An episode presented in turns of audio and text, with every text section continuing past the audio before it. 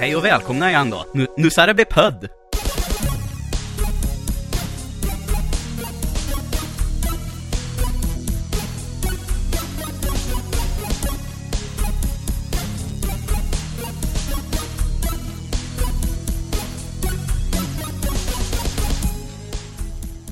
Ja, nu ska det bli pudd minsann. Jajamensan, rakt in i kaklet.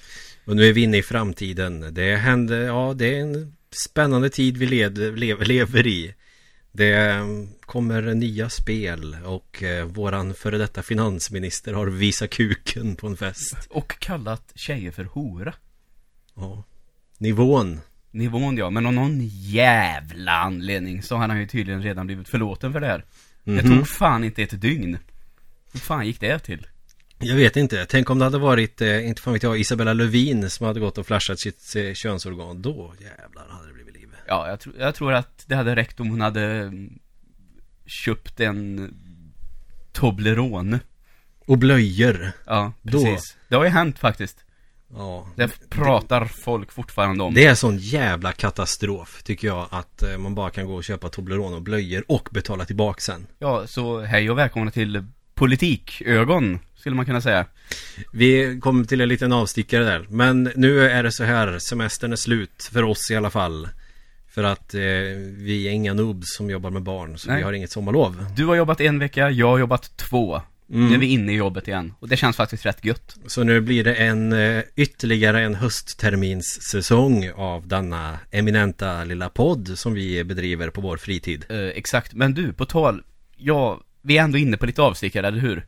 Ja, ja. Så jag satt här och kollade på ett klipp på YouTube, när vi, du höll på att flänga runt här och ställa i ordning allt lite. Mm.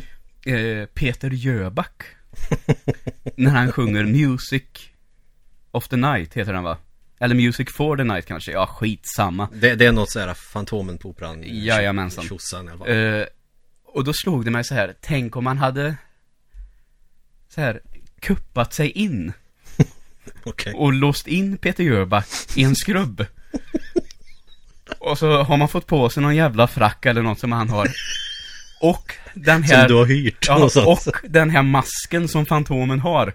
Så ingen ser att det är jag. Så går man ut på scenen och bara sjunger för jävligt.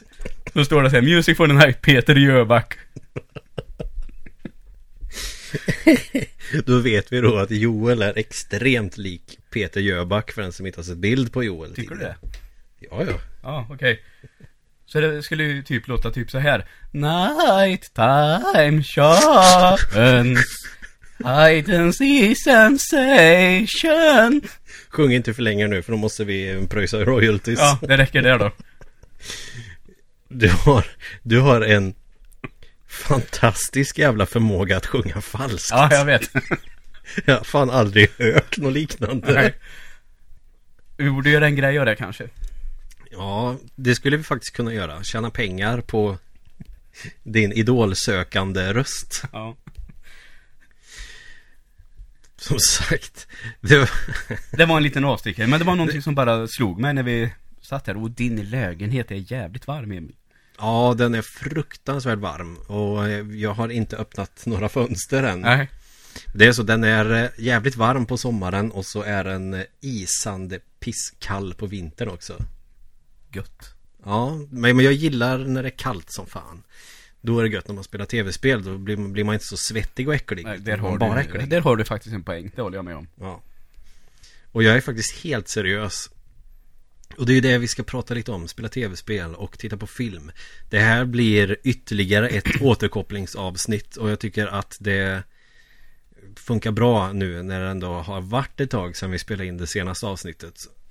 Och vad har vi gjort egentligen? Vad har, vad har vi tittat på och vad har vi spelat? Alltså, jag, jag har spelat igenom Doom på semestern. Mm. Det är Doom 2016 brukar man väl eh, säga för att eh, visa att det är det senaste i alla fall. Ja. Eh, Det var väldigt, väldigt tillfredsställande att spela ett gamla skolans FPS. Mm. Med health packs och hela den där biten. Ingen sånt där uh, göm dig bakom något och få tillbaka hälsa. Utan man fick ju springa och plocka upp hälsa. Mm. Och så är det ju bara ös. Det, ja men det vet jag, jag har testat det lite på PS4 tyckte också Mm, att, och jag körde ju eh, på dator och jag tyckte att det... PC Master Race Ja, just det. Så det var riktigt eh, nice och snyggt är det ju också, även om det kanske går lite i de här eh, väldigt mörka färger. Men det är stilen också. Och jag Mm. tyckte att de grejer det faktiskt. mm. Så det var de här, ja vad kan ha tagit, tio timmarna. Eh, det var kul. Eh, däremot så kände jag att eh, det är uppdelat i uppdrag eller kapitel. Och jag pallade nog som mest två åt gången. Ja, Och kan de ha tagit mellan 40 och minuter och en timme kanske? Mm. Eh, för man tänker att det är bara 10 timmar långt, men det tog ändå de där fyra veckorna på semestern att köra igenom för det blev lite för mycket av det goda så att säga. Så man Mm. fick dela upp det i lite olika sessioner så. Men det var jävligt kul att spela igenom. Men det är lite så tycker jag med eh, FPS och sådana pang-pang-spel att man hinner ju tappa koncentrationen ganska snabbt när man har suttit ett tag och bara vill eh, ta sig vidare. Ja, jag tror att jag kan nämna två sådana. Jag kommer ihåg när jag fick hem Half-Life 2. Och så var det en sån där dag när jag tror eh, det var någon sån där kläm, vad heter det, A-dag eller något sånt där man hade på gymnasiet. Mm. Eh, så jag var ledig och så hade det kommit hem och så satt jag och spelade och kanske körde 75% i en sittning. Så jag, då satt man liksom hela dagen. Men Half-Life 2, det blir det liksom lite lugnare passager. Alltså det är rätt storydrivet ändå. Mm. Eh, så jag tror att det gjorde lite skillnad. Half-Life-spelen är faktiskt jävligt bra på att kombinera spel och story på ja, ett det snyggt tycker jag sätt. också. Sånt gillar jag. Jag gillar när story är i spel och det är gameplay och story. Ja. Så det inte blir massa avbrott. Eh, Det det tjänar mycket på tycker jag, det är att eh, den här tjejen som är med, som jag har glömt namnet på för det var väldigt länge sedan jag spelade och hon har ju en farsa också som figurerar lite. Mm. Att de känns som folk. Och beter Ja. sig som folk. Det är väldigt imponerande för det har ju faktiskt några år på nacken nu, Half-Life. Ja, och tvåan har också det. Tvåan tycker jag Ja, fortfarande tvåan. känns nytt. Eh, det var tvåan jag pratade om hela Jag var, tiden. jag var ju så sjukt inte- imponerad av fysiken i det här spelet när det var nytt. Men jag känner att det köper man fortfarande. Ja, Man det... har sett, jag har sett lite sådana gameplay-videos, det var någon youtuber som spelade igenom det och så tittar jag lite. Och när man använder eh, rocket launchen så kan man ju låsa med lasern vart den ska träffa. Mm. Och så liksom när den slår ner, folk flyger och så snurrar genom luften och tänker ja, så det kanske det skulle se ut. Så det känns jävligt, Ja, bara hur, fysiken är, funkar liksom. bara hur plankor beter sig när Ja. man slår sönder dem och sånt Exakt. tycker jag funkar. Och den här alltså, Gravity. Gun, det är ju liksom den Ja. stora eh, nyheten i, den, i det spelet. Ja, och ska man ha en sån så krävs det ju nästan lite fräsig fysik i spelen. Ja. Så vi får väl se när det blir Half-Life Free Confirmed. Det kommer nog aldrig hända. Nej, Men å andra sidan, det sa de om eh, The Last Guardian också.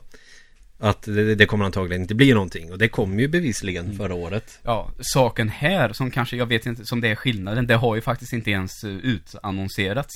Nej, Så man kan ju inte klaga på Valve, eller vad fan man nu säger, så mycket. Valve. Valve ja. Det låter som ett eh, smeknamn på ett original som jobbar på fabrik. Ja, det gör det faktiskt. Ja, Valve jobbar natt, han. Ja. Vräkte ner en madrass på golvet och sov. Du, Lennart, ve- vem kör trucken på tvåan? Ja, det gör Valve. Valve, fabriksarbetaren. Ja. Men, eh, Och sen har jag bara lite så, igen, eh, spelat eh, Battlefield 1. ja. Kom en expansion med jävligt roliga kartor och roliga spellägen. Men hur är det med Battlefield 1? Är det sån här andra världskrigs tjosan eller vad, vad det är ju det för första någonting? världskriget, är det ju. Okej. Men eh, i ärlighetens namn så tycker jag väl kanske inte att det känns så mycket första.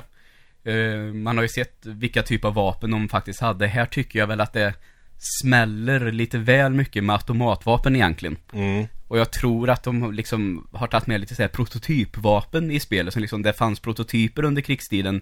Men de liksom användes aldrig okej. på riktigt. Det, det känns egentligen precis som andra världskriget. Eh, Det som de har lyckats med i spelläget som heter Frontlines, det är att den här skyttegravkänslan har de verkligen fått till då. Så det är mycket skyttegravar och springer ju, det är tight och Mm. mycket gasgranater som kastas och sådär. Så, Och rötnande fötter. ja, exakt. Så där har det, tycker jag att med det spelläget då har de fått till första världskriget på ett helt annat sätt. Mm. Och det är kul. Faktiskt. Alltså en liten avstickare fast ändå relevant till våran podd. I, när jag gick på högstadiet så tittade vi på en film som utspelade sig under första världskriget. Eh, då fick man ju se eh, från tyskarnas perspektiv. Och eh, då huvudkaraktären i den här filmen var en kille som tyckte om att måla av fåglar, eller teckna av fåglar. Okej. Har du sett den filmen? För jag har inte en aning om vad den heter och jag skulle så himla gärna vilja Teckna veta. av fåglar. Ja, han går typ eh, på universitet tror jag, sitter i något klassrum och tecknar en fågel i början och sen ska han eh, vara med i kriget. Nej, det är inget jag känner igen, tyvärr. Ja, okej. Nej, för att... Nu det- får man väl skämmas, för nu är det väl den här eh, absolut mest kända som jag absolut inte kommer ihåg namnet på nu, som säkert börjar så. Mm. Som jag inte har sett. Nej, för jag har inte en susning och jag vet att jag har försökt att googla och allt möjligt men jag hittar liksom ingenting. Nej, det är, nej tyvärr, jag kan inte hjälpa dig. Jag skulle inte vilja se den igen för den var ju inte så asrolig men eh, just att eh, det, var, det var någonting med den som kändes spännande för att det var inte Jag menar Rädda menige Ryan är ju en sån krigsskildring som är jävligt äcklig och vidrig fast på något sätt så slutar den bra. Ja, ja. För att inte spoila för mycket. Men den här gör inte det. I den bemärkelsen Nej, att man vill ha ett traditionellt lyckligt slut utan den skildrar krig bara typ. Ja, okej. Ja. Vi kollade på den på SO'n Ja, ja. när jag gick på högstadiet. Mhm. Oh, man hade, har folk SO längre? Jag tror inte det. Nej, det tror inte jag heller. Det hette OE när jag gick på Ja, lågstadiet. det gjorde det med mig också. Orienteringsämnen tror jag det stod för. Ja, det är ju, det tyckte jag var roligt. Ja. Jag kommer inte ihåg ett skit vad vi gjorde. Jag minns bara att jag tyckte det var roligt. Nej, var, när jag tänker tillbaka på hur det var när jag låg på låg, eller låg på lågstadiet. när jag gick i lågstadiet. låg ja, precis. Eh, när jag gick på lågstadiet är att eh, eh, den skolan jag gick på känns ju när jag tänker tillbaka på den som någon form av sån här Gestapo-skola. det, det var ju väldigt uh, läraren hög kateder och låga bänkar och vi skulle sitta och lära oss skrivstil. Då hade vi en sån här en bok som var som en helt A4. Mm. Om inte lite, lite större till och med. Och så öppnar man och så var det bokstaven A. Så var det exempel på hur stor och liten såg ut. Och sen var det fyllt med rader så här. Då skulle man fylla alla dem med bokstaven A. Ja just det, man har såna, liten. man, man har Stor, såna liten. Guidelinjer. Ja. Men sådana kommer jag faktiskt att ge mina elever nu. Mm. Nej, jo, jo, i och för sig, men här, här satt det 26 personer som är nio år och en lärare som övervakas här högt uppifrån. Det låter fan precis som jag gick i tredje klass på Västermalmsskolan i Åmål. Helvete vad brutalt. Efter vi hade, mm, vad fan var det, sjungit lite salmer så skrev vi lite skrivstil och så var det Fader vår och såna här grejer. Ja, ja. precis. Den Det- roligaste... det, Detta var 1993. ja, det jag var väl något sånt här också, lite senare då. Nej, det var inte alls 93. Det var Det måste varit 95 för min del då. 96, 95, 96 var det ju Ja, fan. samma för, någonstans där för min del också. Fast det, det pågick redan 1993. Mm. Med salmer och skit. Den roligaste personen eh, på den skolan, det var vaktmästaren Lennart. Det var en rolig jävel, på riktigt. Varför heter alla vaktmästare Lennart? Ja, det vet jag fan. Jag är helt övertygad om att vi också har haft någon som heter Lennart. Mm. Eh, en dag eh, när vi stod ett gäng ute på skolgården så passerade Lennart oss. Och så viskade vi lite så här, såg ni han hade gylfen öppen? och så hade han kommit förbi lite längre bort. Då skrek en kille som heter Henke så här. Lennart, du har gylfen öppen. Då vände han sig om och skrek. Det gör inget, han hoppar inte ut så här dags. Det är ju roligt och jävligt olämpligt sagt. Ja, det var väldigt kul. Fast man ska inte vara så jävla PK. Man fattar ju att det är, ett, att det är på skämt. Ja. Ja, första världskriget, alltså Battlefield 1, som ledde oss ända till eh, vaktmästaren Lennart. Ja. Så att vi vill tillägna det samtals, eh, samtalet om alla vaktmästare som heter Lennart. Och då särskilt till Lennart Johansson ifrån Tun. Var det det? Ja, jag tror det. Jag vet inte. Nej, vi säger det. Lennart från Tun. Eller Gillsta eller någon sån där annan. We salute you. Ja. Ja, har du kollat på någon bra film? Du har ju tittat på en väldigt nyligen. Ja, alltså. De första två veckorna så kan man väl säga att jag egentligen vände på dygnet ganska rejält. Klassiker. Så jag hade en sån här att eh, jag tittade på väldigt, väldigt mycket film. För Eh, den här semestern så hade jag så, jag tänkte jag skulle iväg till Göteborg och lite sånt senare på semestern. Så i början då hade jag, när jag vaknade på morgonen så bestämde jag då vad jag skulle göra den dagen. Du är den enda jag känner som uttalar morgon med G. Ja, jag vet inte fan varför det blir så. Det är skitsvårt att vänja sig bort vid. Nej, gör inte det. Gör inte det. Nej, okej. Det är charmigt, fortsätt. Ja, okej. Men i alla fall, där var vi. Så då tänkte jag, idag gör jag det här och imorgon det här. Mm. Men på kvällarna så tittar jag mycket på film. Uh, sett om ganska mycket film, men uh, jag har också sett några nya och varav den vassaste tror jag är film som heter A Cure for Wellness. Mm. Uh, du vet hur man brukar prata om det här att det bara är uppföljare nu för tiden och jag tycker att kanske allra främst recensenter i kanske Göteborgs-Posten och de här Aftonbladet, jag tycker jag ofta liksom frågar efter andra typer av filmer. Mm. Det känns som det här är filmen för dem. Uh, aldrig egentligen, eller ja. Den känns i alla fall oerhört originell och jäkligt snyggt filmad och välgjord och bra skådisar och allt det. Men det som den framförallt bygger, det här originaliteten, det finns nästan ingenting liknande, vad jag vet. Mm. Och man kan säga i grund och botten kanske det är någon form av sån här eh, galen doktor, kanske lite Frankenstein, men de utvecklar det till något helt nytt i alla fall. Mm. Så eh, om du känner att du vill ha någonting annat än eh, superhjältefilmer, remakes och eh, uppföljare, Mm. så tycker jag definitivt du ska kolla in den här A Cure for Wellness. Mm. Det låter jättebra. Eh, jag tror, känner lite på mig att det kan bli en sån där film, för den gick ju ganska dåligt på box office, alltså vad pengar den drog in på biointäkter. Mm. Men jag tror att den kan få en sånt här, den kan nog bli lite kultförklarad, alltså att den kommer ha sina anhängare. Ja. Så att det kommer finnas en grupp som kommer hylla den här filmen även i framtiden som ett mästerverk. Lite den känslan fick jag när jag såg den. Mm. Men inte kultfilm utan det kommer bli hyllad bara i efterhand. Ja, det kommer bli en, ja, den kommer bli hyllad av en mindre grupp. Ja. Alltså man pratar om att en del filmer kanske inte blir kultklassiker, men jag tror att man säger cult following. Mm. Alltså, det är väl inte riktigt samma sak. Och jag vet inte vad man ska säga på svenska. Nej, jag vet inte heller. Uh, kultbrödraskap.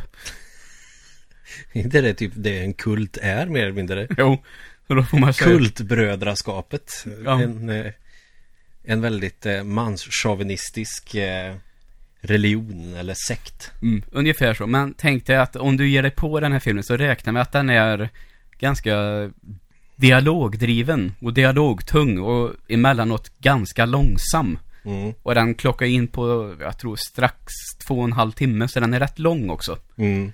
Så det är ingen film man ser eh, en sån där lördag, fyra personer, när man ska sitta och köta lite samtidigt, utan här är det koncentration som gäller. Mm.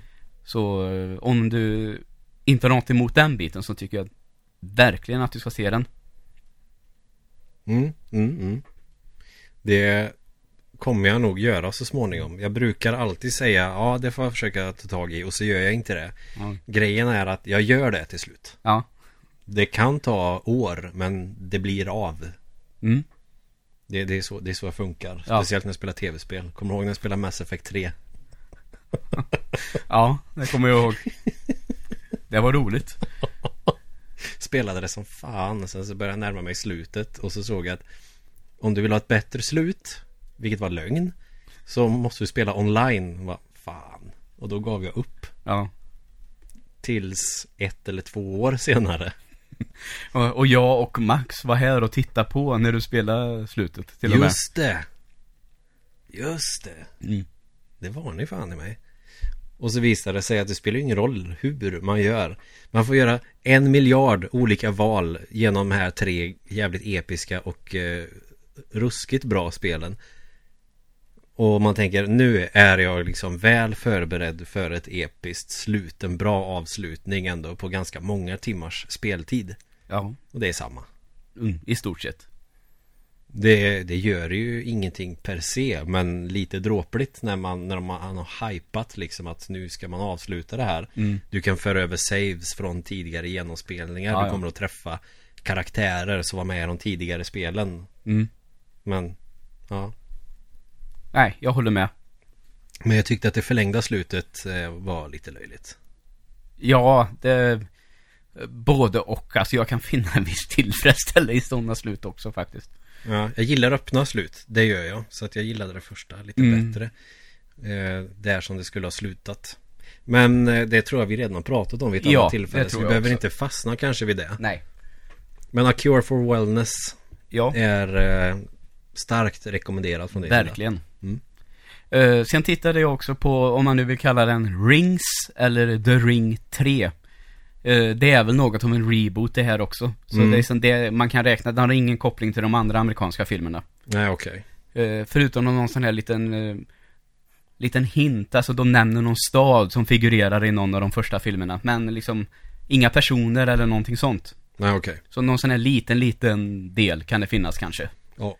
Eh, alltså jag är, vet inte riktigt vad jag ska säga om den här filmen, för jag tycker att den tyvärr inledningsvis börjar totalt katastrof. Nej men alltså den första filmen liksom bygger upp en mystik kring vad det här videobandet och vad den här filmen kommer ifrån ganska tidigt. Mm. Och liksom, eh, den är ganska lång, den här, för att vara en inledning också, från den första filmen. Men i den här tredje, man kastas bara rakt in i det. Och liksom, de bygger inte upp den här otäcka känslan alls. Nej. Och sen börjar det dyka upp den ena personen efter den andra. Och jag kom på mig själv att jag satt, men, vem är det här? Och vem är han? Ja. Och vem är hon? Och varför är han så viktig? Alltså man fick ingen... Jag visste inte vilka karaktärerna var, alltså, de hade ingen karaktär skulle man kunna säga. Nej. Och... Det blev väl något bättre. Alltså jag kommer ihåg, jag skrev till dig när jag hade börjat att titta. Och bara såga den direkt. Men sen när den väl var slut så, den tog sig lite i mitten och i slutet faktiskt. Mm. Och kanske erbjöd faktiskt någonting nytt. Ja, ja. Som vi inte har sett i någon av ringfilmerna tidigare. Så det får man ändå ge den, men Alltså i jämförelse med den första så, oj, den är så långt efter den så att Det finns inte. Det är tråkigt eh, och Mm. ganska typiskt uppföljare ibland att eh, kuka ur. Ja, Att det blir lite eh, urmjölkningsfilm lite grann. ja, exakt. Men eh, den eh, skulle inte förvåna mig ifall vi får eh, se mer av det här. Kanske inte nödvändigtvis i en The Ring, men någon i form av, i samma universum. För det är ju inne att göra nu. Ja. Eh, Och lite den känslan fick jag. Att de kanske vill bygga ut The Ring-universumet med kanske andra filmer. Med andra stories. Den känslan fick jag. Mm. Jag tycker det är spännande när man förlägger saker i samma universum. Det finns ju någon gammal eh, roman om någon eh, eh, inbrottstjuv, mästerinbrottstjuv som heter Lupin någonting. Ja. Där Sherlock Holmes är med. Ja, okej. Ja. Och det var väl kanske bland de allra första sådana här Nej, nej, nej, nej. Sherlock Holmes är min karaktär. Han får inte du använda i ditt verk. Nej, okej. Ja. Det måste varit första gången som någon gjorde något sånt där. Bara, nej, det här, man får inte sno grejer. Nej. Som Metallica gjorde med eh, David Bowies låt Andy Warhol på Ja. Master of Puppets. Ja, ja. Kolla det. upp det om du är intresserad. Gör det efter avsnittet är slut. Ja. Mm, det, så att då var det där man försöker kombinera två universum men det sket sig. Då, då fick jag inte upp om kar- karaktären till Herlock Sholmes istället. Ja, det är också rätt roligt faktiskt. Mhm. Sen om det här är sant, det vet jag inte. Mm. Men eh, det är ju kul om det är så. Visst är det så. Med copyright infringement från... Men nu vet jag inte hur 1800-talet. det är med just Sherlock Holmes. Det, de går väl över i public domain som det heter förr eller senare. Ja, Ett men det här var på den tiden då det begav sig. Ja, okej. Eh, så man äger väl inte karaktärer hur länge som helst på det sättet? Mm, nej, det kanske man inte gör. Alltså, sen kan man göra karaktärer som är baserade på... Ja, exakt. sådär. Så det är väl inga problem. Nej. Det var ju samma med, med en Conan-film. De ville ju göra en... Red Sonja heter den. Ja. Det vet vilken det är. Ja. Med Arnold. Han skulle väl vara Conan tror jag. Fast de hade inte rättigheterna eller vad fan det var till namnet. Så då fick han ju bli Kalidor istället. Ja. Exakt. Också smart sätt att eh, släta över det på. Men det är ju ganska tydligt att han är Conan. Fast han har en skojig struthatt. Eller vad fan det är han har. Ja. Ska jag ta min sista också när jag ändå håller på? Ja, det tycker jag. Jag var faktiskt på bio eh, så sent som igår. och kolla på, och det här, alltså, den här jävla titeln är ju så svår att säga. War for the Planet of the Apes. Mm. Eller Apornas planet Striden. Eller Slutstriden, eller något sånt där. Då ser Eh. man framför sig det här äh, episka slagfältet från Sagan om ringen. Ja, exakt. Med apor mot människor. Det är intressant att du säger just det, för det kommer vi väl komma in på lite kanske. Mm. Eh, det här är den tredje filmen i den här reboot-serien. Mm. Som det börjar väl med den här Rise of the Planets of the Apes och sen kom Dawn of the Planets of the Apes och nu ska det eh, rundas av med den tredje då. Blir det The Clash. Ja, ungefär så. Nej men alltså, jag får säga att jag har tyckt att de två första är riktigt, riktigt bra. Mm, jag tycker också, jag, jag har sett andra har gjort den, tyckte jag också var jävligt bra. Och så kommer man ju då till den här tredje filmen. Som ibland i trilogier har en tendens till att kanske vara den svagaste. Inte nödvändigtvis dålig, Mm. men svagast. Mm. Men här är väl ett av de här ovanliga fallen där jag just nu i alla fall känner att den här är nog är den bästa av dem. Fan vad gött. Ja, och eh, jag var på bio med två andra personer. Eh, en höll med mig och den tredje personen hade totalt annan åsikt, sågade den totalt. Åh fan. Eh, men det är det här du sa tror jag att det ska bli en Sagan om ringen-strid. Det är ju lite det man får av titeln lite grann. Ja, och det var ju det han sa också. Det står ju på biljetten War. Men man får en snyftfilm. Ja. Och det håller jag ju med om. Men jag tyckte att den här filmen gjorde det så jävla bra. Tack väldigt, tack vare väldigt, väldigt bra motion capture. Mm. Så blir de här liksom apkaraktären nästan mer mänskliga än de människor som är med i filmen. Så liksom, man håller ju på aporna. Man känner ju mer för dem. Mm. För de är liksom mer människor på något absurt sätt. För det, det är ju också så, man vet ju att aporna kommer att ta över. Ja, om man har sett eh, de tidigare filmerna, de från 60-talet och framåt, så vet man väl att det kommer att bli så. Ja. Jag har inte sett hela dem faktiskt. Men eh, jag, man vet ju slutet ändå. Alltså, Mm. Så jag tänker inte säga spoilervarning. Det här är väl allmän kunskap. Och när man tänker då War of the Planet of the Apes. Då tänker man ju att okej nu är det slutstriden när de ska ta över liksom. Mm. Det är ju den bilden jag fick i alla fall när jag såg trailern. Ja. Och eh, den kanske inte riktigt visar den bilden av krig. Alltså krig kan ju dels vara alltså stora slag Mm. och vi får ett litet slag i den här filmen också så det är inte så att det bara är liksom känslosamma sentimentala scener även om de väger över till största del. Eh, Så känner jag ändå att den visar någon annan sida av krig. Alltså vi har ju till exempel du vet andra världskriget med den här formen Mm. av koncentrationsläger och hur nazisterna behandlade människor. Mm. De fångar det på ett väldigt snyggt sätt och gör sin grej av det. Och det, då är han ju också väldigt, väldigt mörk. Mm. Så jag tycker liksom krig kan vara på många olika sätt. Och vi fick inte den här, om du tänker, dagen D-scenen, liksom en Mm. stor stridsscen. Det får man inte. Men man får någonting annat som jag uppskattade väldigt mycket. Mm. Så jag tycker jag är en av de bättre filmerna hittills i år. Så väldigt imponerad. Sen blir väl inte en film dålig bara för att den inte stämmer överens med titeln. Nej, Men, men, den alltså, blir ju kanske missvisande Ja, för vissa personer det- och det tycker jag är fullt förståeligt. Ja, det håller jag med om. Men eh, sen kanske jag tänker lite att jag som har sett de tidigare filmerna kanske, jag, jag räknade inte med att få den typen av krigsfilm. Nej, det kanske man inte vill ha heller. Ah, Det är lite olika det tror jag, för det, vi hade ju någon som var med som blev väldigt besviken. Mm, Som hade liksom förväntat sig kanske krigsfilm. mm, Och det är det inte. Utan den med ett fantastiskt soundtrack, där det egentligen liksom, det finns ingen dialog, men aporna använder ju dels teckenspråk, men också liksom ansiktsuttryck och leenden ögon, mm, och lyckas få det att funka. mm. Men mycket att musiken var väldigt vacker också, och det hjälper till mer än vad man tror tror jag. Ja. Men en fin film är det. Mm. Så gå definitivt och se den. Och så får jag ändå säga Andy Serkins som gör huvudrollen. Eh, motion capture. Men är det någon som någon gång ska få en Oscar för bästa eh, roll Mm. så är det väl han. För alltså, han är ju kungen av motion capture i alla fall. Mm. Man ser någonstans att det är han, tycker jag. Jag vet inte vad det är, men han är bara bäst. Mm. Med massa, vad är det, dioder eh, och eh, sådana här eh, som ska känna av hans ansikte i nyllet. Och ändå blir det så bra.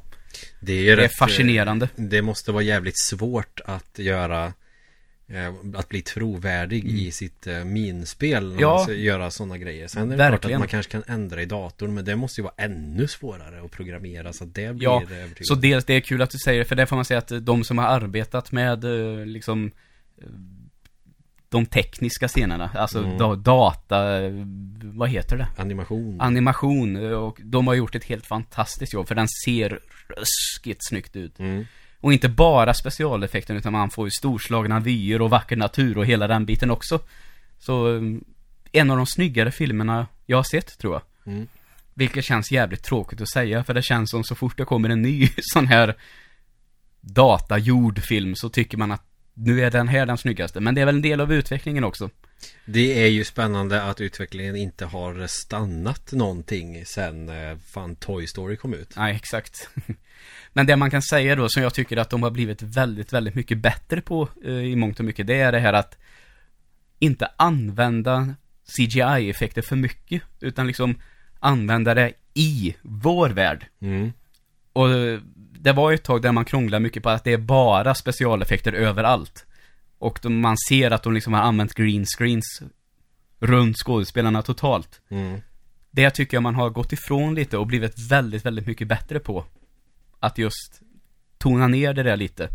Och ändå få det att se så fantastiskt ut. Så det är Mm. roligt. Gött. Ja. Där var jag nog klar med vad jag har gjort under Ja. semester och de här veckorna med jobb.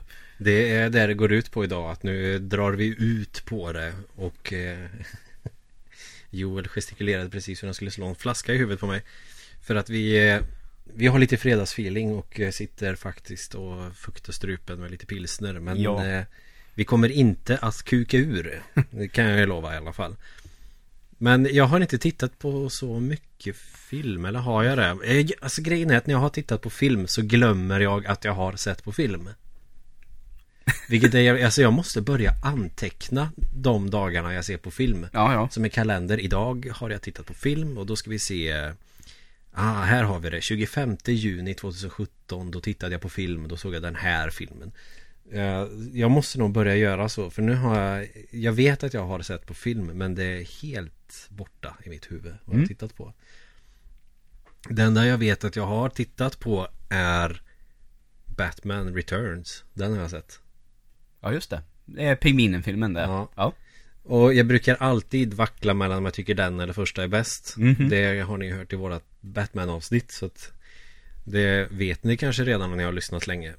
Men nu blir det också det här att den fångade mig inte riktigt den här gången. Nej. Jag tror jag var lite för eh, disträ, upptagen med annat för att eh, uppskatta den. Och sen så var det på tv också. Då är det ju för fan reklam hela jävla tiden. Ja. Och reklamen gör att man glömmer bort vad man har tittat på. Ja, just det. Så jag tror att det sabbade jävligt mycket av upplevelsen. Jag hatar fan att se på tv. Det är väl det. Sen har Ja. jag lyssnat på en jävla mycket böcker och nu är ju inte det här en bokpodd. Men eh, det här med ljudböcker är ju fantastiskt. Jag är en sån här människa som eh, Men, eh, det, har du använt någon av de här apparna som finns? Ja, nu För inte att jag... lyssna? Ja, det har jag gjort. Ja. Det kan jag säga. Men eftersom vi inte är sponsrade av det här företaget så tänker jag inte säga vad de heter. Nej. Men du har lyssnat på en del böcker och det är jättebra för mig för jag kan inte göra en sak i taget. Det är omöjligt att göra en sak i taget. inte ens om jag försöker. Om jag ska diska och bara gör det. Då kommer jag tänka på någonting annat så går jag och gör det istället. Ja, ja. Och det kan sabba min vardag rätt rejält om jag inte får göra fem saker i taget. Mm, då så. Samma när jag spelar tv-spel. Jag spelar gärna 20 spel i taget. Inte bara ett. Det går inte. Men eh, i alla fall. Så att eh, när jag spelar tv-spel. Om det inte är väldigt story-tunga spel. Eller om jag gör andra vardagliga grejer. Så ha, kan jag lyssna på en bok. Och då funkar det. Okej. Det är väldigt fascinerande för eh, jag har ju testlyssnat på bok. Mm. Och det räcker ju att jag är ute och går samtidigt. Så skenar ju min tanke iväg. Ja. Utan jag måste sitta ner. Mm. Jag har bland annat funnit att det funkar väldigt bra att lägga sig i badet och lyssna på ljudbok. Ja, det låter jävligt gött. Nu har Ja. man inte något badkar. Nej, det är svårt eller att duscha. liksom. precis innan man sover då. Ja. Men just det här, jag måste vara så jävla koncentrerad på vad som sägs. Mm. Andra flyger det bort, tycker jag. Nej, så jag har lyssnat på sju böcker har jag gjort tror jag. Ja, det är fan bra kämpat det. semestern. För det tar ju sin lilla tid eh, för dem att läsa igenom den där också. Ja, precis. Att jag, men jag lyssnar ju då konstant. Och eh, det funkar jättebra om jag kan rikta uppmärksamheten på två saker. För då är jag helt involverad i två saker samtidigt. Mm. Och då funkar det. Är det bara en sak så kanske dyker någonting, dyker någonting upp. Eh, Och då är det det jag grejer med istället. Okej. Och varför jag drar upp det här i en filmpodd är för att jag vill att eh, det här kommer vi nog prata om lite senare i den här podden. Men jag, jag vill att folk tar sig tid att antingen lyssna eller läsa Torsten Flinks eh, självbiografi. Ja, Torsten Flink, vilken jävla stjärna det är alltså. Alltså bara namnet Torsten Flink. Ja, ja, ja. Den är ju, ja. Han är bäst. Ja, på ett, på ett väldigt konstigt sätt. För alltså, jag vet att jag tror att jag har sett... eh, Och på det konstigaste av konstiga sätt så är han bäst. Jag tror att jag har sett, alltså det här är väl en tv-serie men den ger en väldigt sån här stor teaterkänsla. Mm. Som att de har bara filmat av Dramaten, ungefär så. Där han, jag tror att han Mm. spelar Gustav den tredje eller någon svensk kung. Mm. Jag minns tyvärr inte riktigt och där, han är ju oerhört fascinerande. Det har han ju gjort i eh, väldigt, väldigt, pjäsen väl- Maskeraden också. Ja, väldigt, väldigt bra skådis. Mm, det är han. Och sen, eh, som du sa, kommer vi komma in på vissa saker lite senare där eh, människor har använt Torsten i kanske så långt ifrån Dramaten du bara kan komma. Men eh, vi, vi kommer dit så småningom. Det är så när karln behöver pengar till att eh, skjuta heroin eller eh, trycka i sig morfintabletter. Ja, Nej men alltså det är väldigt bra bok. Inte bara för att man tycker att Torsten är lite skojig och rolig. eh, Som man också tycker mycket, tror jag. Men just att, eh, för han är ju bevisligen superbra på det han gör. Kanske bäst i Sverige på det han gör. ja, Men att det, det är en sån tragisk historia och han är en sån tragisk person. Och då menar jag inte i sättet att häckla honom utan att det går inte riktigt vägen för honom. Men om han hade om han hade varit nykter så hade han ju kunnat vara en ny Ingmar Bergman. ja visst, absolut. Han mm, spelade ju mycket för Ingmar Bergman och Ingmar Bergman gillade ju honom väldigt mycket och hatade honom väldigt mycket samtidigt. Mm. Och, eh, Hatkärlek är det bästa som finns. Ja, och det tyder väl på att han är bra på det han gör. Han är ju Ja. bra regissör och han är en väldigt bra skådis i det man har sett honom göra. Men att eh, det går inte riktigt som det går för att han är Torsten Flink. Och där drog min telefon igång. Men han är jävligt fascinerande på alla sätt och vis. Så har man då ett intresse av skådespelare och deras livshistorier om man ändå tänker Torsten skulle kunna varit så mycket mer och vill man veta varför så lyssna på den biografin. Den är jävligt rolig emellanåt. Ja, du har ju berättat lite för mig om det. Alltså, du har berättat någon del att han, berättar väl för någon som skriver.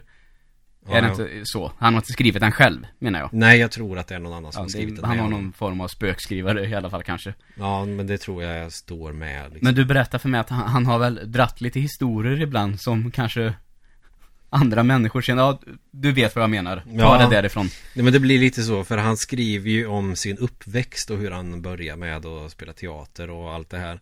Och det kommer alltid något kapitel där någon eh, god vän, tillika kollega eller dylikt som har skrivit om samma, samma fenomen. Och, eller samma händelse. Och då är det ju alltid det här att ja, Torsten eh, ser kanske lite på ett annat sätt än vad vi andra gör. Men det kanske är hans sanning och då är det väl så för Ja. honom. Just det. Som till exempel första gången han eh, träffade Mikael Persbrandt som är en väldigt populär skådis. Ja. Och ja, kanske är på G till Hollywood också. Ja, han har gjort lite smågrejer. Till exempel blivit bortklippt ur Bilbo-filmerna. Ja, ja, precis. Men det kanske tar sig. Och första mötet skulle tydligen ha varit enligt Torsten då att han satt För Torsten var, hade ett förhållande med Micke Persbrandts tjej Och hon var hemma hos Torsten och skulle äta middag och då satt tydligen Persbrandt utanför hans fönster I ett träd med eh, en hagelbössa eller ett gevär Jaha du.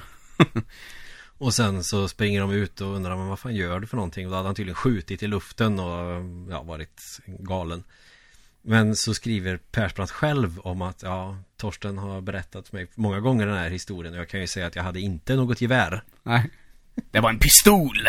Nej, men han satt tydligen i ett träd och spionerade på dem. Ja, okej. Men, Men han bara är- det, alltså det, han är bara också det speciell. är ju en jävligt bra historia. Ja, och det finns många sådana i den boken så att den är ömsom jätterolig och ömsom ganska sorglig. Ja, okej. Inte tårdrypande men just bara, nej men vad fan, lite så. Ja. Eh, och du, har, du kommer ihåg att du tittat på Batman Returns Mhm. och du har lyssnat på sju böcker. Vilka spel har du börjat spela på? Eh, ja, Eller vilka har du slutat spela? För du spelar ju faktiskt igenom spel också, jag ska inte vara den som är den. jo då, det gör jag. Jag spelar ganska mycket, alltså Ja, vi har ju en sån där eh, lista där vi, i alla fall under förra året, fyllde i vilka spel vi, det! vilka spel vi klarade och jag vet ju att du vann ju det där med råge, så det, och bland annat så var det så här att Mm. Men det är ju jag, för att ni inte spelar. Nej, inte på samma sätt kanske. Men i alla fall, jag kommer ihåg att jag började det här året ganska starkt. Mm. Och så kommer jag ihåg att jag tänkte att nu när Emil är på turné med sitt band Lancer Så kanske jag kommer kunna dra ifrån Emil lite Nej Emil hade spelat det på bussen Så tyvärr så tog han ledningen ändå Ja, vi hade tillgång till eh, el- elektricitet på bussen och jag hade med lite tv-spel och vi hade faktiskt en eh, PS4 på bussen. Den spelade inte på något, men vi hade grejer där. Så, så blev det. Nu ska vi se. Eh, jo, jag körde färdigt Dark Souls 2. Japp Gjorde jag, faktiskt. Det tycker jag ändå är en bedrift att göra en gång till. Ja Att jag har hittat eh, mitt spelsätt efter alla dessa Mhm. år. Ja, det är väl det, eh, jag tror att det var Hon heter väl Angelica tror jag, som har P3 Spel Mm. Som någon gång sa att eh, hon hade kört det första Dark Souls Mm. Och sen bestämde sig för att spela igenom det en gång till och det gick så mycket bättre så att det kändes som att det var hon och inte karaktären som hade levlat. Mm. Det är väl en ganska bra beskrivning av Dark Souls tänker jag. Ja, och, ja absolut. Så att jag har absolut, jag har definitivt levlat på Dark Souls 2. För lite att det är det du säger att nu har jag äntligen, du hade kört det på New Game Plus tror jag, så, så Ja. nu har jag äntligen lärt mig hur det fungerar.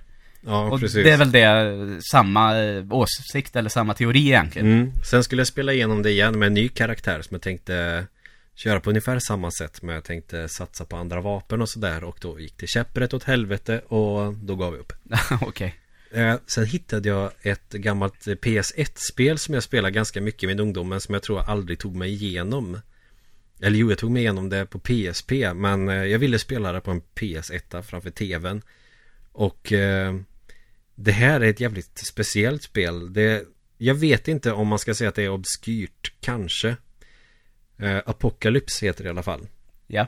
Det, jag trodde att det var, typ, finns det någon film någonstans nära som inte kom på bio men direkt på video typ. Mhm. Men det är det inte, för huvudkaraktären spelas av Bruce Willis. Jaha, okej.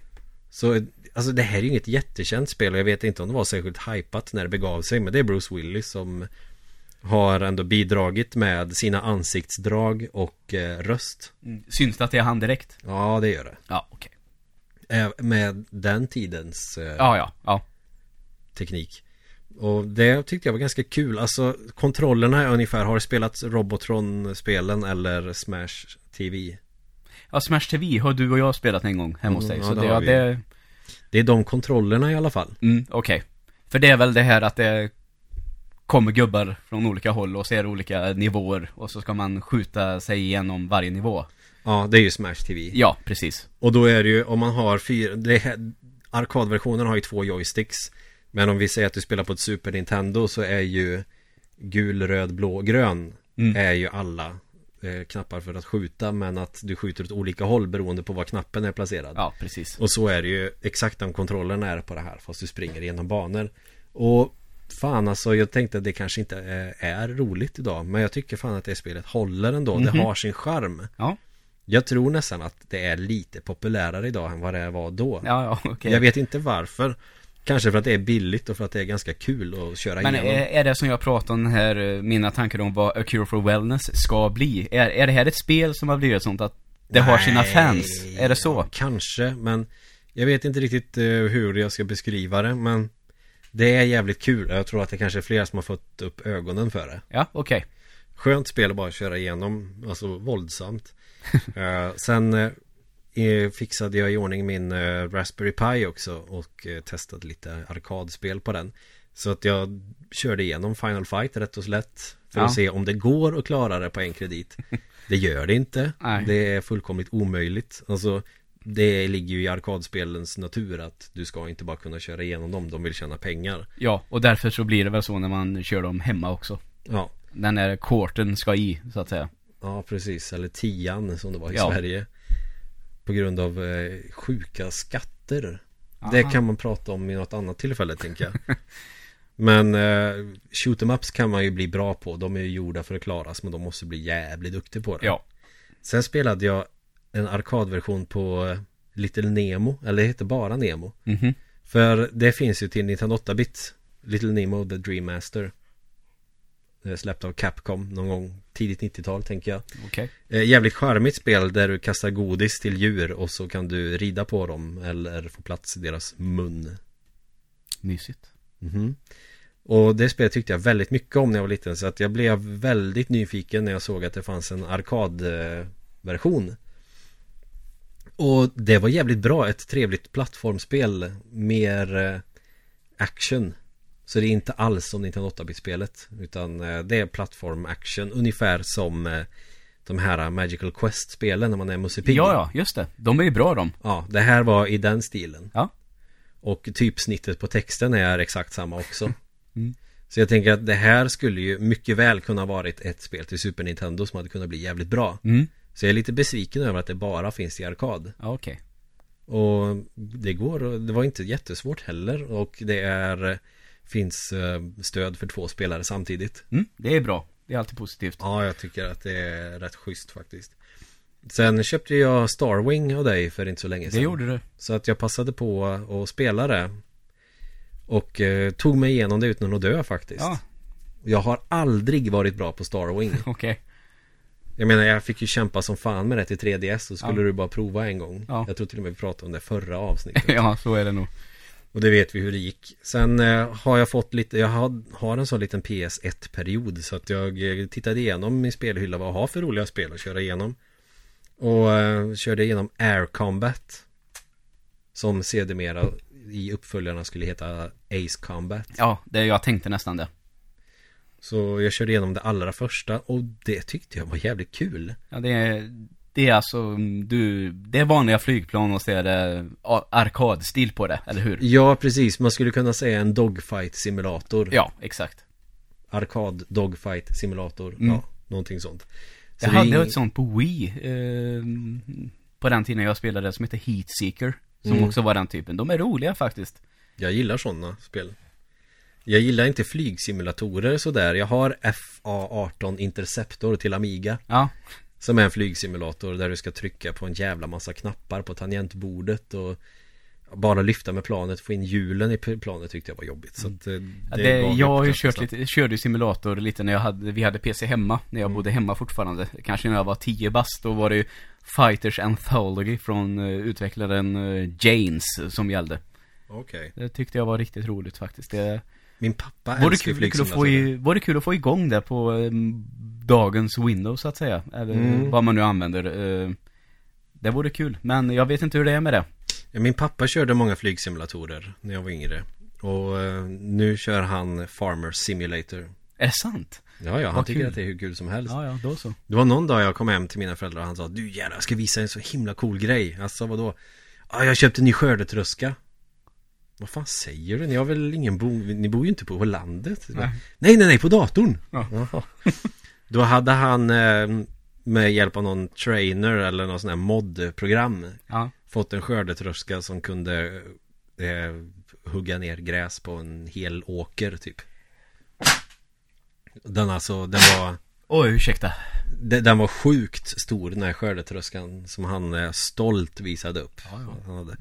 Det tyckte jag var faktiskt ganska charmigt eh, Mamma rekommenderade att jag inte skulle berätta om att de släpper ett nytt Farmer Simulator varje år Nej. Det tror jag någon Är det som med Fifa alltså typ? Ja, ja, det är jävlar. Farmer Simulator 15, 16, 17 och så vidare Mhm. De finns till och med på um, Playstation Network Ja. Det har jag nog sett någon gång i och för Ja. sig. Men jag visste inte att det kom så ofta. Ja, till PS Vita finns det till och med Ja, ja. Mm. Eh, ja, sen fick jag ett sånt jävla sug för Resident Evil också. Eh, för att eh, när vi, innan vi åkte till Prag, jag och Evelina, jag har ju varit där och Ja, spelat ett annat spel. Det, nu är jag inne på dem jag avslutat. Då körde jag igenom Resident Evil, den HD remastern till eh, PS4. Som är identisk med GameCube-versionen. Okej. Fast man kan spela med nya kontroller, det tror jag inte man gör till GameCube. Mhm. Då körde jag igenom spelet som Jill Valentine. Det var faktiskt eh, Jag kunde inte sluta spela. Jag tror inte att jag har varit så fäst vid ettan förut. Och detta ledde till att eh, jag ville spela Resident Evil men jag ville spela PS1 så jag spelade allra första spelet. Okej. Hur var det? Det var bättre än jag minns faktiskt. Ja. Det är kontrollen jag inte står ut med. Nej, Tyvärr och jag- så jag- är det ju fan så. I dagens läge. Och jag tänkte att efter att ha kört igenom med nya kontroller till PS4 jag tänkte att jag kanske inte klarar av att spela med de gamla kontrollerna. Nej. Jag tyckte nästan det funkar bättre. Ja, ja, då så. Det är bara bra, naturligtvis. Det, det är lite så spelet funkar med sina förrenderade bakgrunder att den kontrollen funkar till det. Mm. Speciellt eftersom det är nya kameravinklar hela tiden. Ja. Så vet man att uppåt alltid är framåt så blir det inte krångligt. Nej, Det kunde det bli på eh, PS4 däremot. okej. Så att jag såg till att få det bästa slutet. Det har jag aldrig fått på PS1 förut. Och så Vad har man för tid på sig då då? Nej, man behöver inte göra på en viss tid. Jaha. Det är bara om du vill ha bazooka eller nej, inte bazookan. eh, Du vill ha raketkastaren. Ja. Det är tydligen inte samma Det är granatkastaren som är bazooka på Aha, okej, PC. okej. Eh, Så ja, man- jag klarar det på fem timmar. Under tre timmar om du ska ha några riktiga bonusar. Ja, okej. Men eh, man kan få olika slut på det beroende på om vissa överlever. Mhm. Så det tog jag, det, det tänkte jag aldrig på när jag var yngre. Jag sket ju i det. Ja, ja, visst. Men då får man eh, slåss mot sista bossen en liten stund till. Så Ja. att då känns det bra, nu har jag gjort det. Och nu behöver jag inte ligga sömnlös på nätterna för det. Nej, exakt. Så det är jag väldigt nöjd med. Sen har jag ju påbörjat, jag fick ju hem mitt jävla Ikeniet och Yuki no Setsuna Mm. Äntligen. Ja. Efter två resor till Sverige och eh, Men det var helvete. Har två resor för spelet alltså.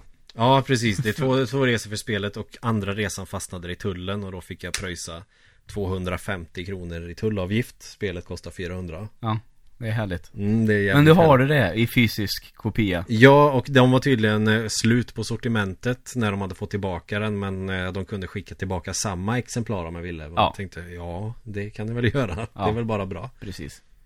Så att jag, har eh, kommit väldigt långt på det Jag tror att jag har sista området kvar Ja, okej. Men jag måste grinda lite Så jag ska ta tag i det där det, Men jag spelar mer Switch när jag är på resande fot än när jag är hemma Ja, okej. Just nu i alla Mm. fall Så att om jag åker iväg någonstans så får jag väl ta med det Ja. och köra Exakt. Eller om jag ligger i soffan och tittar på tv samtidigt Eftersom jag måste göra två saker Mm. Minst för att få någonting gjort Och sen köpte jag ju Persona 5 Äntligen Ja, just det. Som och det får- har du spelat jävligt mycket om jag har förstått det, det rätt. har jag spelat jävligt mycket eh, Samtidigt som lite andra spel. Men jag tänker att det här blir jävligt långrandigt Så jag går direkt till Persona 5 eh, För att det har legat i min spelhylla ganska länge. Jag köpte det för eh, ett litet tag sedan. För det släpptes för ett par månader sedan va? Ja, det gjorde det. Men jag tänkte att jag köper inte det förrän jag har betat av några spel. Nej, just det. För annars så kommer det ta alldeles för lång tid.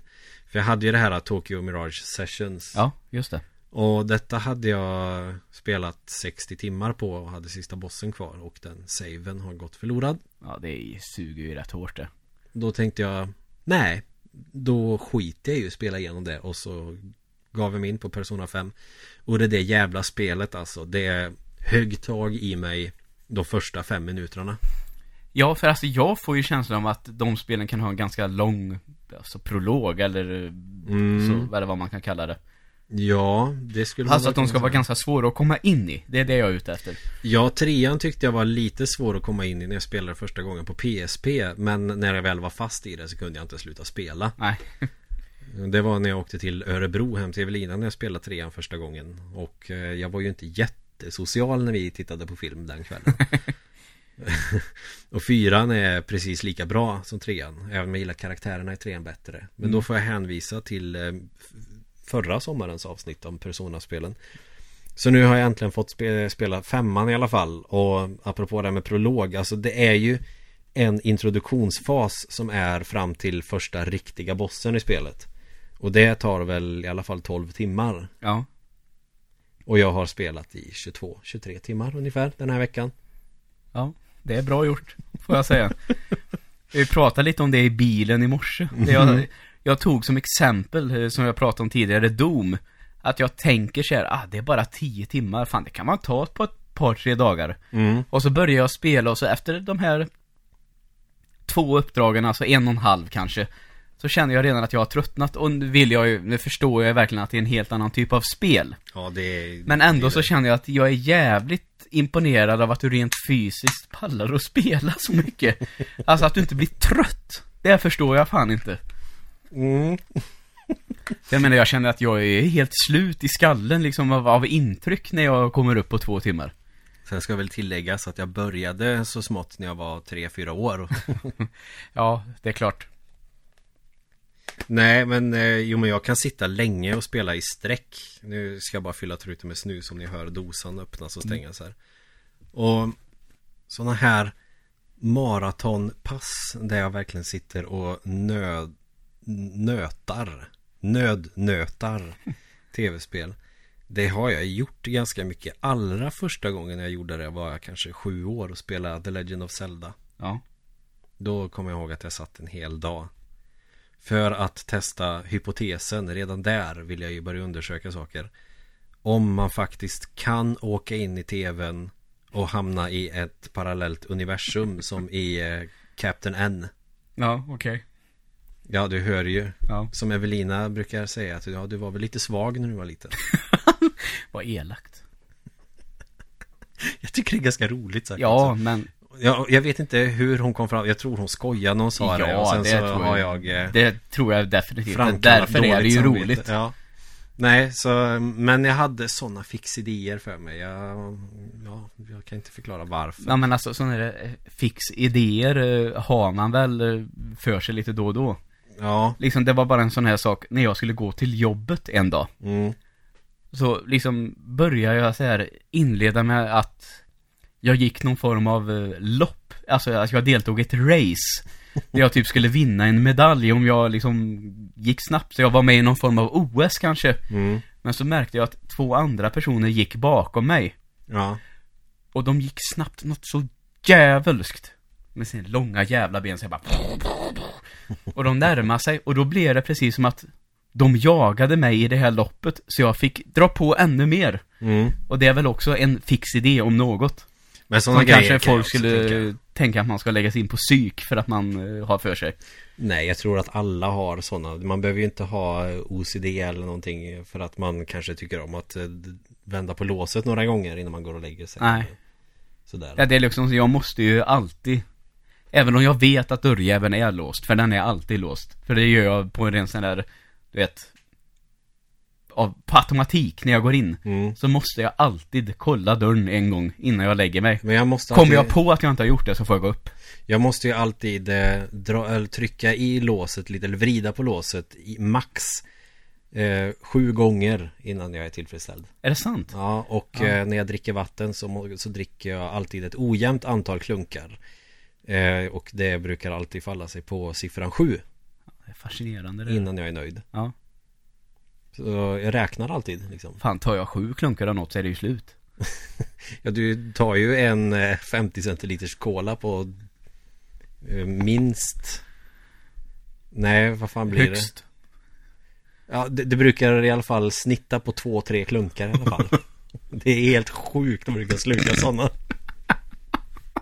Ja jävlar Det tycker jag fan är coolt. Nej men eh, jag har ju gjort så hela veckan nu apropå det här med spela, spela som en idiot. Mm. Persona 5. Det har ju suttit När jag kommer hem från jobbet så säger jag okej nu vet jag att jag har cirka sex timmar på mig innan jag måste gå och lägga mig. Och då startar jag min PS4 och kör. Ja, precis. På tal om det där då, och spela mycket så ehm, Jag vet inte vad klockan var nu i veckan Men med tanke på att vi i alla fall har åkt bil nu Vad fan har klockan varit? Sju Sju ja på morgonen. Så man får ju gå upp så strax efter sex eller senast halv sju i alla fall Mm.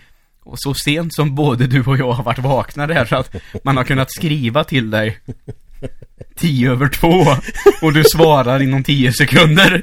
Det säger väl någonting av hur det här Persona Arbetsmoralen hos lärare. Ja. Nej, men vi har vi gör ett skött... bättre jobb på grund av det. Ja, fan man anstränger sig lite extra när man är trött ibland. Så är det ju. Bara man inte håller på så här under en längre period för då, Nej, då är det ju kört då kommer eh, försovningen som ett eh, brev på posten. Ja. Speciellt nu i denna sälla ålder vi har nått av 30 år. ja. Då kan man inte köra sådana sena nätter. Ont i rygg och ont i knät och man börjar bita sönder tänder snart kanske, vem vet? Ja, säg inte så. Jag har inga problem med själva åldern men vad som kan hända med när man blir gammal tycker jag är lite jobbigt. precis. Jag kommer ihåg när farsan tog en sån här, du vet En här ganska seg cola som morsor brukar göra på jul, eller farsor också för den delen Mm. Men morsan gjorde det alltid för mig i alla fall, hon kokade någon sån här cola och så tog farsan en sån en gång och bet i och bet sönder en tand det, det, det är, När man börjar bita sönder tänder, när man biter i julkola, då, då är man kanske inte gammal, men då har kroppen som du sa här förut börjat förfalla Ja, så länge jag kan spela tv-spel så är jag nöjd. Men Persona 5 i alla fall har, det har verkligen tagit tag i mig. Det har ett sånt, det, ger, det gav mig ett sånt sug som Zelda gav mig när det kom ut i Mhm. mars. Ja, just det Man går och längtar hela dagen tills att man ska få upptäcka lite mer. Ja, Och det här, alltså de här Persona-spelen alltså från trean i alla fall och framåt har ju, är ju så in i helvete stylish. Allting är så megamaxat. Japanskt och eh, arty så in i helvete. Och soundtracket är ju alltid någon eh, fräsigt, fräsig jazzmusik. ja, Ganska modern fräsig jazzmusik. Japansk dessutom. Och det brukar vara lite speciellt med japanska tongångar ja massa tonintervall som alltid används liksom i melodier och sånt. Det behöver vi inte prata mer om så. Men alltid jävligt intressant och det ger stäm, alltså det stämningen är att det funkar så jävla bra ihop med hur spelet ser ut och eh, hur musiken till de här spelen är. mm. Sen är det ju så jävla mycket man kan göra i de här spelen. Du, här kan du besöka Shibuya precis som i Tokyo Mirage Sessions. Ja, ja, okej. Eh, Så att det här är ingen fiktiv plats i det här spelet mer än Ja, när man springer runt i eh, alternativa universum såklart då och spöar monster. Men de har ändrat lite grejer. Mer Dels är det kvar det här med att du skapar relationer med människor för att kunna göra Starkare personas, de här som slåss för en ungefär Aha, okej. Du kan slåss själv men när du använder magi och sådana specialattacker så har du personas som gör dem åt dig. Ja, det är det som är en persona alltså. Ja, precis. Jag har alltid trott att det skulle vara, att det här var någon sån här personlighet Typ att det skulle Ja men de ska väl spegla personligheten Ja, ja, ja okej, då är jag inte sätt. helt fel ute då kanske. Och alla karaktärer är ju baserade på mytologiska karaktärer eller Karaktärer i böcker och historier och såna här grejer. Allt från grekisk till nordisk mytologi och japansk mytologi. Allt finns. Ja. Och Fast huvudkaraktären kan ju byta persona. Mm, Så alla fiender man möter i det här spelet Tidigare spel så har man fått en persona av att döda en fiende. Här är persona fienderna. Så att då måste man förhandla med dem När man har knockat dem Om de ska gå med en Så kan man få en ny persona aha, okej Och du träffar massa människor genom att eh, skaffa jobb eller gå ut eh, på stan på natten eller besöka en klinik eller en viss affär vid något tidpunkt. Och det är ju alltid dagar och datum så att du har ett visst antal dagar på dig innan du måste spöa en boss annars är game over. Ja, okej Och sen ska du sköta skolan samtidigt med det Ja. här. Alltså när jag tänker, när du hör, när jag hör dig prata om det här, det, det är så mycket att göra, man kan göra det här och det är skolan och karaktärer och Mm. prata Eh, Och du vet vad jag brukar gilla för spel nu kanske? Mm. Tror att, skulle det här vara någonting för mig? Eller, vem, vem, för vilken typ av spelare görs de här spelen? Förstår du att jag får ju magkänslan utan att ha spelat måste jag tänka att spelarkretsen är ganska tunn. Alltså, vem spelar det här? Ja, I västvärlden? Men i början så tror jag nog att det var lite så att det var en ganska snäv publik För Persona 1 och 2 till PS1 är väl inga jättepopulära spel Nej. Men de blev populära i och med trean för det är så De blandar ihop visual novel och eh, en livssimulator mer eller mindre med eh, Dungeon Crawler Japan RPG. Okej. Så att jag tror att du skulle kunna uppskatta det här om du ändå tagit dig igenom Final Fantasy, eh, något av dem. Ja, just det. Så skulle du nog absolut kunna gilla det här. Mm. Det som också är nytt med det här det är att du springer inte runt i en labyrint och tar dig till nästa nivå som i Diablo. Det gör du i eh, trean och fyran. Ja. Eh, Det här är istället att du kommer till en plats, till exempel ett, ett slott. Mm. Och så går du igenom liksom miljöerna där. Och då är det, och så hittar du olika rum där du kan spara snarare än att du kommer till Ja, nu har du tagit dig en tredjedel av den här labyrinten, nu kan du spara. Aha, okej. Här är det mer riktiga liksom, platser och det tycker jag var ett jävligt bra drag av eh, Atlus. Eller vilka det är som har gjort spelet. Atlus är ju de som har publicerat det i alla fall. Det gör spelet lite mer intressant och det är väldigt mycket stealth i det här. Mhm. Så du smyger på fienderna och attackerar dem utan att de ser dig. Men hur känns det då? För alltså det, ibland, ibland kan jag känna när Det Ja. brukar vara svårt som fan. Ja, alltså ibland känner jag sånt. att fan, jag vill inte spela stealth. Men det är inte Och- jättemycket stealth. Nej, alltså, det är bara... det, det är det här jag är inne på nu. Mm. Alltså ibland så tycker jag att vissa spel, det är mest att du kommer kunna välja precis hur du vill göra. Du Ja, kan, du kan, du kan gå rakt på och köra som du vill. Men inte just Persona nu kanske, men i Nej. andra spel. Men så märker man ändå att stealth är det absolut bästa. Så att man tvingas ändå göra det lite. Typ Deus Ex är ju så. Ja, precis. Ja, nej, men det kan här... jag skjuta alla i huvudet om jag Stealth- vill, men det är helt uppenbart att inte det är det bästa att göra. Stealth-elementen i det här spelet är inte så tunga. Nej, okej. Det är bara, okej, där är en fiende. Jag gömmer mig bakom den här blomkrukan. När han kommer fram så attackerar jag honom. Ja, okej. Eller henne, eller vad fan man ska säga. Ja. Så att det... Nej, det är inget krångligt stealth. Det är bara så att man känner sig överlägsen. Mm. Det är jävligt lättare. Ja, okej. Och jag har inte upplevt det som väldigt grindigt heller, vilket är ett stort plus. Ja. Det kan ju lätt bli tröttsamt. Men då är jag ju bara 22 timmar in i spelet. Ja, just det. Men du sa en annan intressant sak i bilen också i morse, jag tänker på, man har alla de här rollspelen, alltså från Skyrim till eh, Final Fantasy 15, alltså hela spektrat. Mm. Så finns det någonting som kallas för eh, Fetch Quest. Mm. Och det är vi inne på, eh, till exempel Witcher 3 sägs ju ha gjort det väldigt bra. Att Mm. även sidouppdrag liksom känns, om inte i alla fall lite storydrivna, som meningsfulla.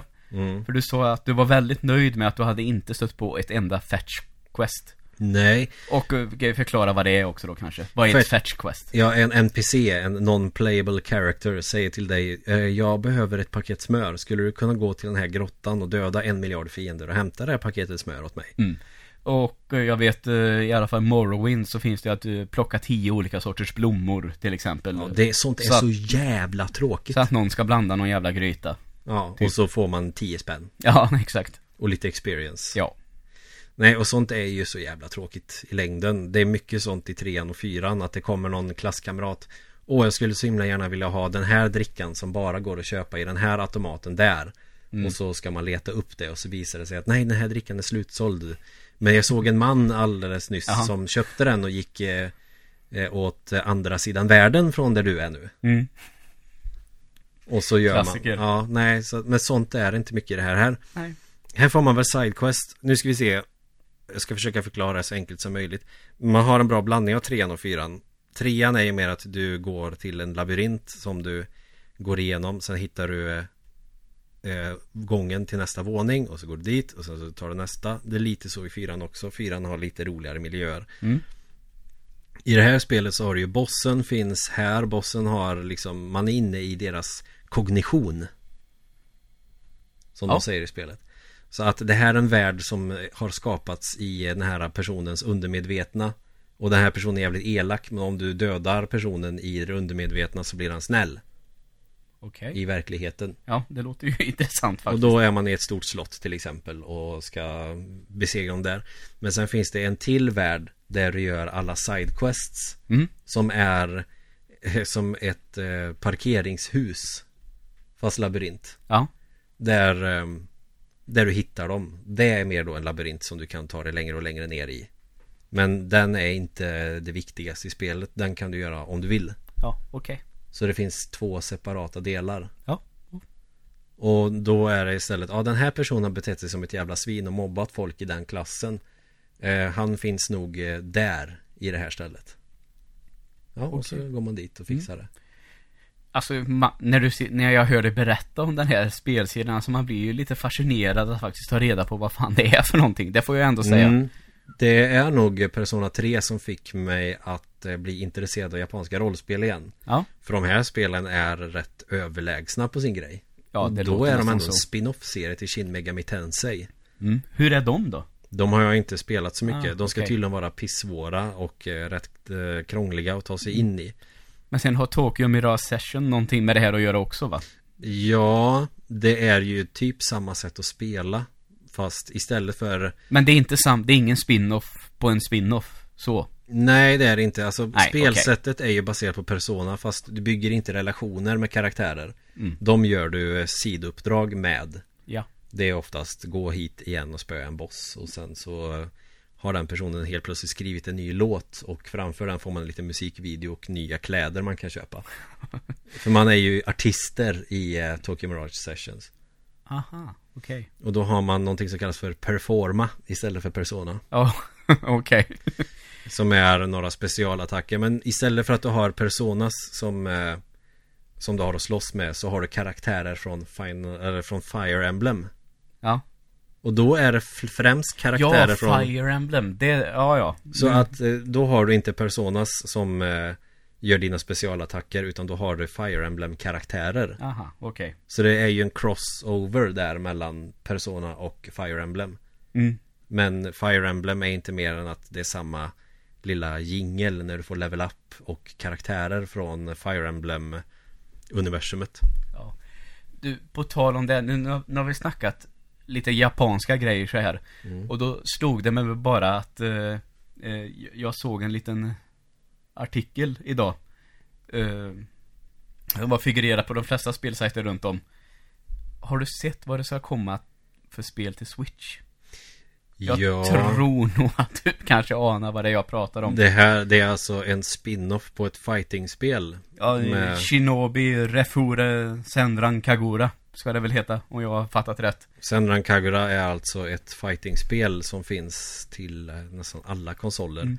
Men just i det här verkar det inte vara så mycket fighting. Nej, för fighting-spelet går mindre ut på att man ska bli lite kåt samtidigt som man har lite Street Fighter-spel ungefär. Ja.